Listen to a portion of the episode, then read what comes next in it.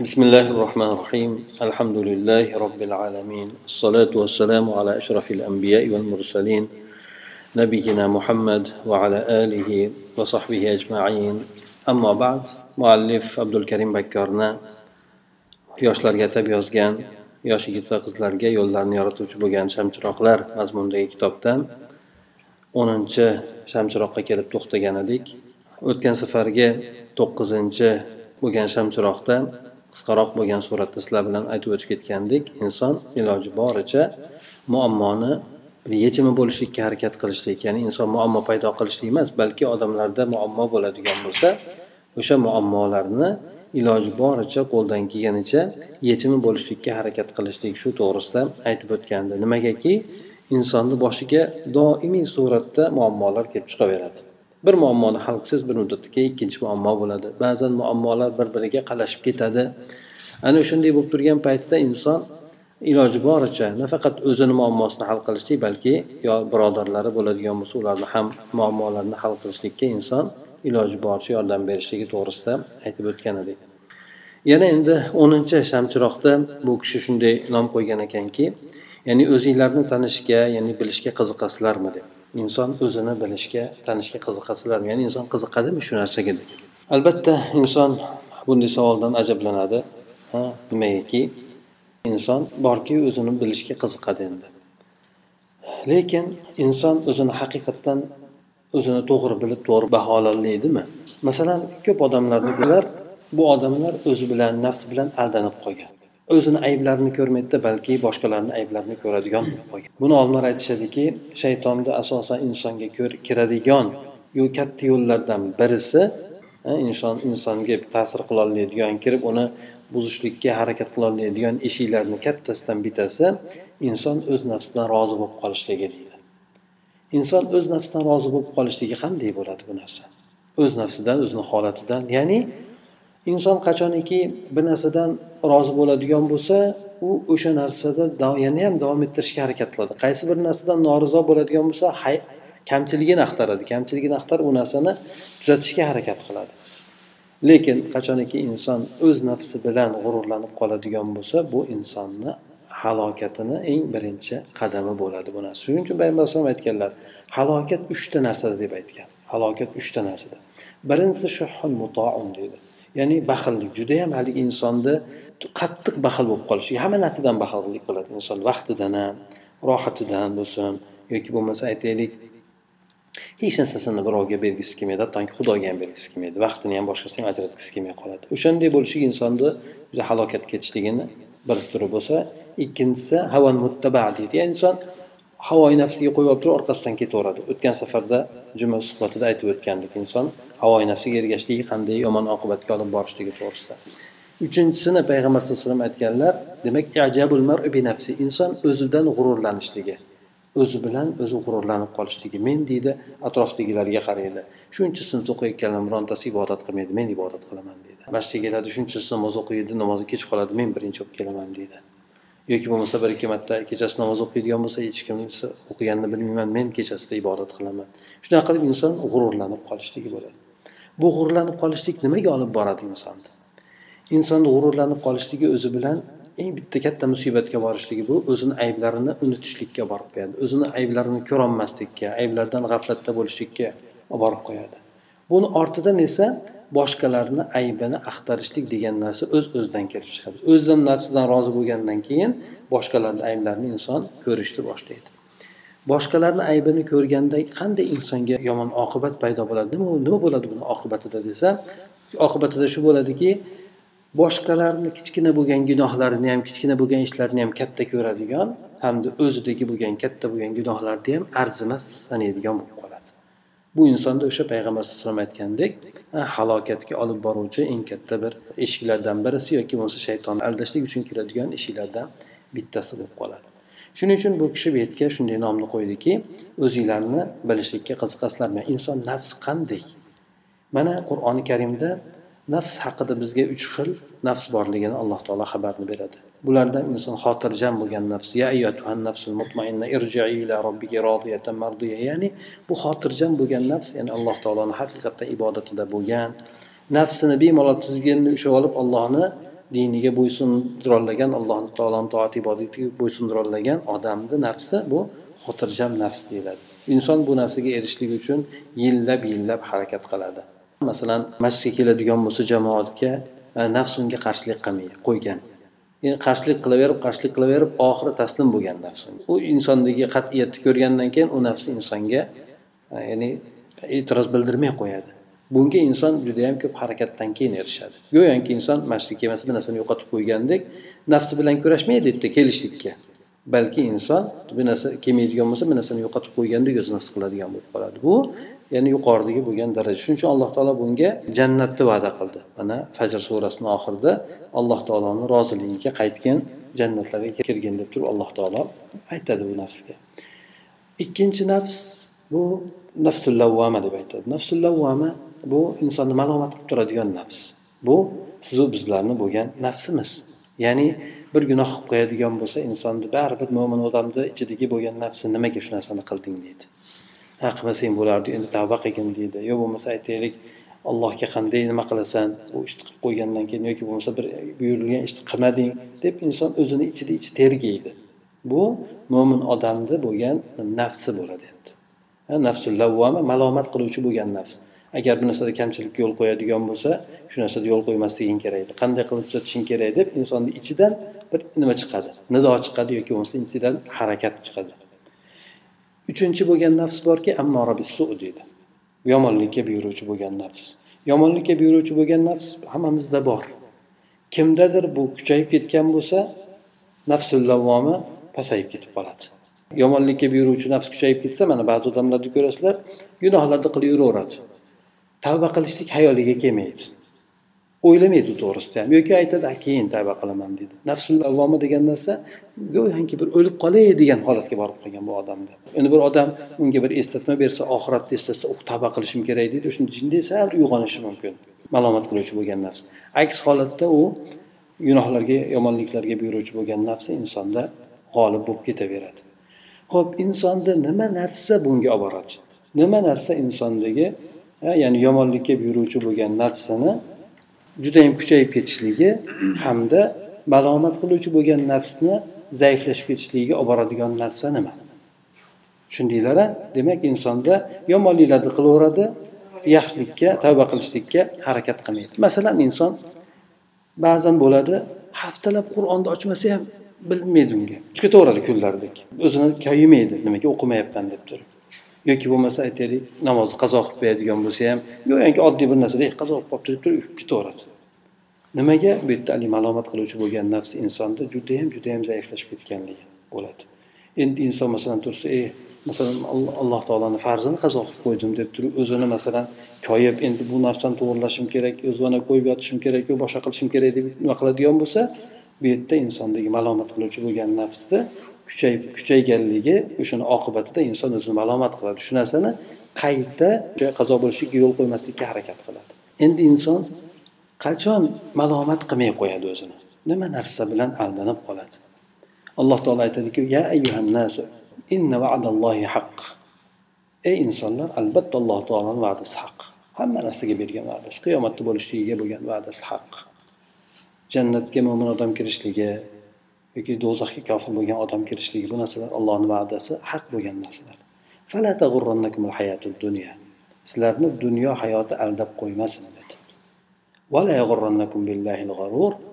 Alloh taolo bilan aldanib qolmanglar sizlar dedi. Mana shu ikkita narsa insonni nafsini hisob kitob qilishlikdan tergashlikdan to'sib turadigan narsa shu ikkita narsa ekan. Inson dunyo bilan aldanib qolishligi hamda olloh bilan aldanib qolishligi. Dunyo bilan aldanib qolishligi qanaqa bo'ladi? Dunyo bilan aldanib qolishligi go'yoki inson dunyoda ishlar yurishib turibdi oxiratda ham yurishadi deb o'ylaydi. Dunyoda yaxshi topyapti oxiratda ham oqibatim yaxshi bo'ladi deydi. Hamma narsani pul bilan hal qilib yuboraman deydi. Bu odam dunyo bilan aldanib qolgan odam bo'ladi. Yoki odamlarni o'rtasida obro'si oshib ketyapti. Qanaqa bir narsada yana o'ylaydiki alloh taoloni oldida obro'yim oshib ketyapti deydi. Yoki bo'lmasa inson gunohlarni boshqa narsalar qilib yuraveradida alloh taolo unga dunyoni berayotgan bo'lsa alloh taolo meni yaxshi ko'radi deydi. Chunki buncha narsani beryapti. Dunyo beryapti boshqa beryapti. Demak alloh taolo meni yaxshi ko'rgani alomati shu inson dunyo bilan aldanib qoladi. Endi alloh taolo bilan aldanib qolishiga qanday bo'ladi? Inson alloh taolo bilan aldanib qolishligi alloh taoloni to'g'ri tanimasligidan bo'ladi. Mana ko'pchilik avomni eshitasizlar omma xalqni ha alloh taolo o'zi kechiradi deydi gunohlarni kechiruvchi bo'lgan zot to'g'ri alloh taolo gunohlarni kechiradi lekin uni muqobilida boshqa oyatlar ham bor. Alloh taolo azobi qattiqligi to'g'risida. Ha masalan bir oyatda aytadiki alloh taolo rohim bandalarimga xabar bering men albatta mag'firatli rahmdil bo'lgan zotman. To'g'ri bir tomoni demak alloh taolo mag'firatli rahmdil mehribon bo'lgan zot. Va shuningdek yana bilinglarki meni azobim ham judayam qattiq bo'lgan azob dedi. Bir tomonlarni ikkinchi tomonni qo'ymaslik kerak. Alloh taolo rahmdil mehribon gunohlarni kechiruvchi bo'lgan zot. Lekin boshqa tomonda yana oyatni davomida aytdiki alloh taolo azobim meni qattiq dedi.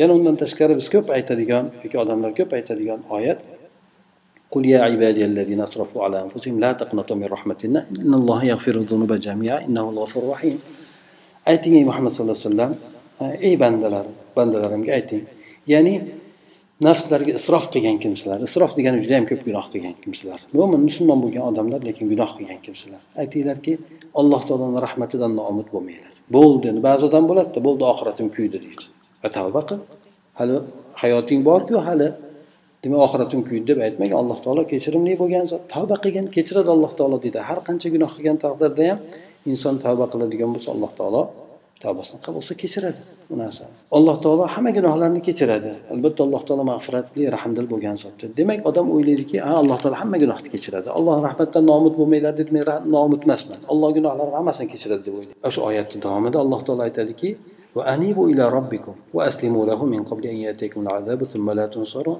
alloh taolo buyurdi robbiylarga tavba qilinglar dedi yuqorida aytdiki alloh taolo hamma gunohlarni kechiradi allohni rahmatidan nomid bo'lmanglar dedida go'yoki inson bo'ldi ya'ni alloh hamma gunohimizni kechirar ekan deb suyanib qolishi mumkin aldanib qolishi mumkin alloh taolo oyatda keyingi oyatda aytdiki robbiylarga tavba qilinglar robbiylarga taslim bo'linglar hali sizlarga azob kelib qolishidan oldin alloh taologa taslim bo'linglar alloh taoloni aytganini qilinglar agar azob kelib qoladigan bo'lsa sizlarga hech qanaqangi kimsa yordam bermay qo'yadi unda واتبعوا أحسن ما أنزل إليكم من ربكم من قبل أن يأتيكم العذاب بغتة وأنتم لا تشعرون يعني sizlarga nozil robbinglar tomonidan nozil qilingan dinga yoki eng yaxshi bo'lgan narsaga ergashinglar sizlarga azob to'satdan kelib qolishligidan oldin ogohlantirib qo'ydi alloh taolo bu kim ogohlantiryapti Rahmdil mag'firatli mehribon bo'lgan zot ogohlantiryapti.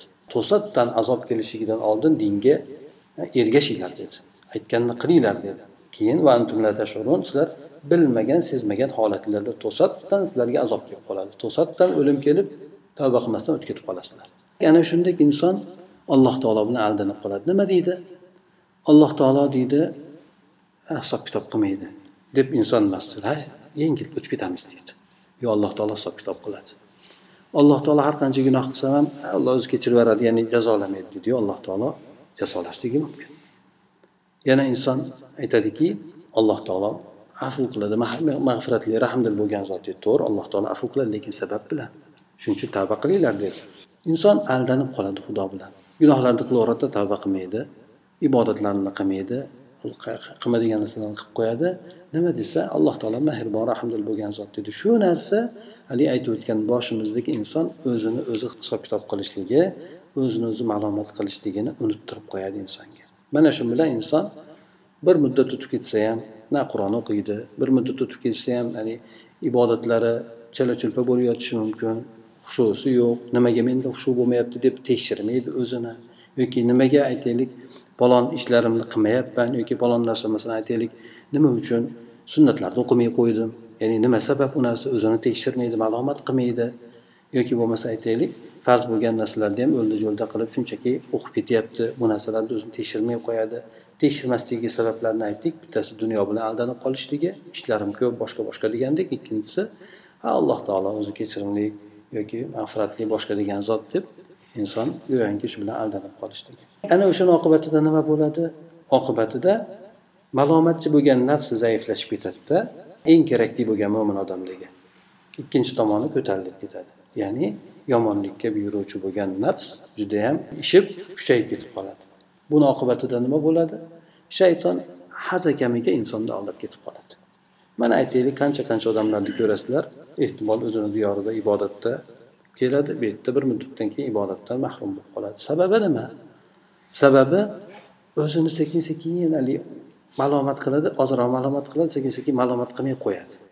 Ichida uni achinmay qo'yadi. Ya'ni namoz o'qimayotganiga yoki boshqa ishlarni qilmayotganiga achinmay qo'yadi. Uni muqobilda nafsi xohlagan narsasiga buyuraveradi. O'qib qilib ketaveradi. Shuning uchun odam shu narsaga tushib qolmasligi oldini olishlik uchun inson o'zini tergab turishi kerak. Bu tergashlik aytib o'tganimiz haligi malomat qiluvchi bo'lgan nafsdan bo'ladi. Agar insonni malomat qiluvchi bo'lgan narsa kuchayib kuchayib boradigan bo'lsa yomonlikka buyuruvchi bo'lgan nafs o'z öz o'zidan zaiflashib ketadi ana undan keyin yuqorida aytib o'tganmiz xotirjam bo'lgan nafs o'shanda insonda kelib chiqadi. Bu inson keyin malomatchi bo'lgan nafsi borib borib xotirjam nafsga aylanib qoladiki bu xotirjam nafsi ya'ni nafsini tizginini olgan nafsini qayoqqa bursa o'sha yoqqa ketadi o'tir desa o'tiradi tur desa turadi. Kechasi tur deydimi yoki boshqa paytda tur deydimi unda turadi. Bo'lmasa inson juda ko'p amallarda qiynaladi. Ehson qilaymi? Qilmayman o'zi bor pulim shu. Ber. Yo'q to'xta berma o'zingga kerak. Beraman bermayman. Inson o'zi kurash ketadi. Tushundinglar kurash ketadi. Bu bitta misol keltiryapmiz. Shu yerda agar malomatchi bo'lgan nafs kuchaysa aytadiki ha beraver deydi alloh taolo beradi. Ikkinchidan yoki beraver deydi ajrini naryoqda olasan deydi. Undan tashqari o'zing oshiqcha seni o'zingga deydi. Demak u kuchayadi. Narigisi aytadiki o'zingga kerak boshqa boshqa deb turadiyu u ham o'zini ovozini chiqarib turadi ichingizda. Shunda agar bu kuchayib ketib qolsa bu o'z o'zidan inson bu tomoni zaiflashadi. Shuning uchun inson o'zini nafsini bilsin bilishga qiziqsin. Nafsda aytib o'tganimizdek ya'ni qanaqa tomonida nafsdagi menda bo'lib turgan narsa yomonlikka buyurayotgan nafsim kuchayib qoldimi yoki malomat qiluvchi bo'lgan nafsim kuchaydimi yoki zaiflashib qoldimi yoki bo'lmasa aytaylik xotirjam bo'lgan nafsga qanday erishaman? Qachon u nafsga alloh taolo to'g'ridan to'g'ri aytdi?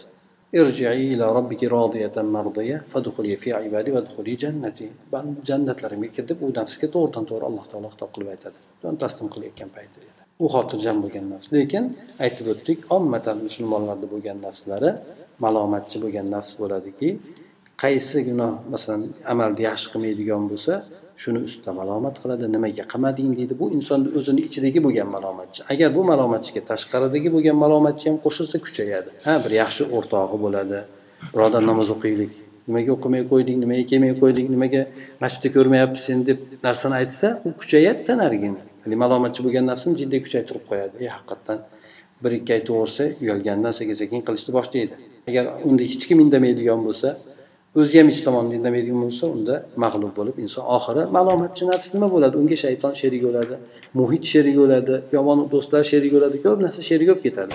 Shuning uchun aytdik bu yerda inson o'zini o'zi hisob kitob qilib turishligi kerak o'zini o'zi qachoniki hisob qilib tergaydigan bo'lsa oxiratdagi hisob kitobi insonga osonroq bo'ladi. Chunki gunohlar qilgan bo'lsa tavba qilgan bo'ladi vaqtida yaxshi amallar qilgan bo'lsa alloh taolodan o'sha amallarni qilishligiga tavfiq so'ragan bo'ladi. Mana shu demak bugungi qisqaroq bo'lgan suhbatimiz. Inson iloji boricha o'zidagi bo'lgan narsani doim tergashga harakat qilsin nimaga bu narsani qilmadim mabodo bironta ishni qilmay qoladigan bo'lsa o'sha narsani shunday g'aflatda tashlab qo'ymasin. Nimaga bu narsani qilmadim deb o'ziga o'zi savol bersin yoki bo'lmasa birov aytadigan bo'lsa to'g'ri qabul qilsin. Chunki ba'zan inson aytadi nima ishi bor ekan men bilan deyish mumkinda endi yo'q bu aslida senga yordam bu narsa lekin buni ham aytishni o'zini yo'li bor. Hammani oldida sharmanda qilib emas balki o'ziga aytadigan bo'lsa shu narsa ma'qulroq bo'ladi qabul qilishligiga yaqinroq qanaqa kamchilik bo'lsa tuzatishga shunda harakat qiladi. Aks holda inson kamchiligini ham ko'rmaydi balki boshqalarni kamchiligini katta ko'radi o'zini kamchiligini esa hech narsa ko'rmaydigan bo'lib qoladi qachoniki bunda inson o'zi bilan aldanib qoladigan bo'lsa. Bu aldanib qolishlik uchun gunohlarga botib ketgan yoki bo'lgan odam bo'lishi shart emas. Bir tuzuk odam ham aldanib qolishi mumkin. Ya'ni haligi boshida aytib o'tganimizdek hech kim qilmayapti men qilyapman hech kim bormayapti men boryapman hech kim o'qimayapti men o'qiyapman degan narsa insonni ko'tarib qo'yadi. Shuning uchun aytishadiki ba'zi olimlar ba'zan inson gunoh qiladi bu bilan allohga yaqinlashadi deydi ba'zan inson ibodat qiladi buni bilan allohdan uzoqlashib ketadi deydi. Nimaga? Gunoh qilgan odam allohga keyin tavba qiladi. Qalbida gunohligini biladi parvardigor olam.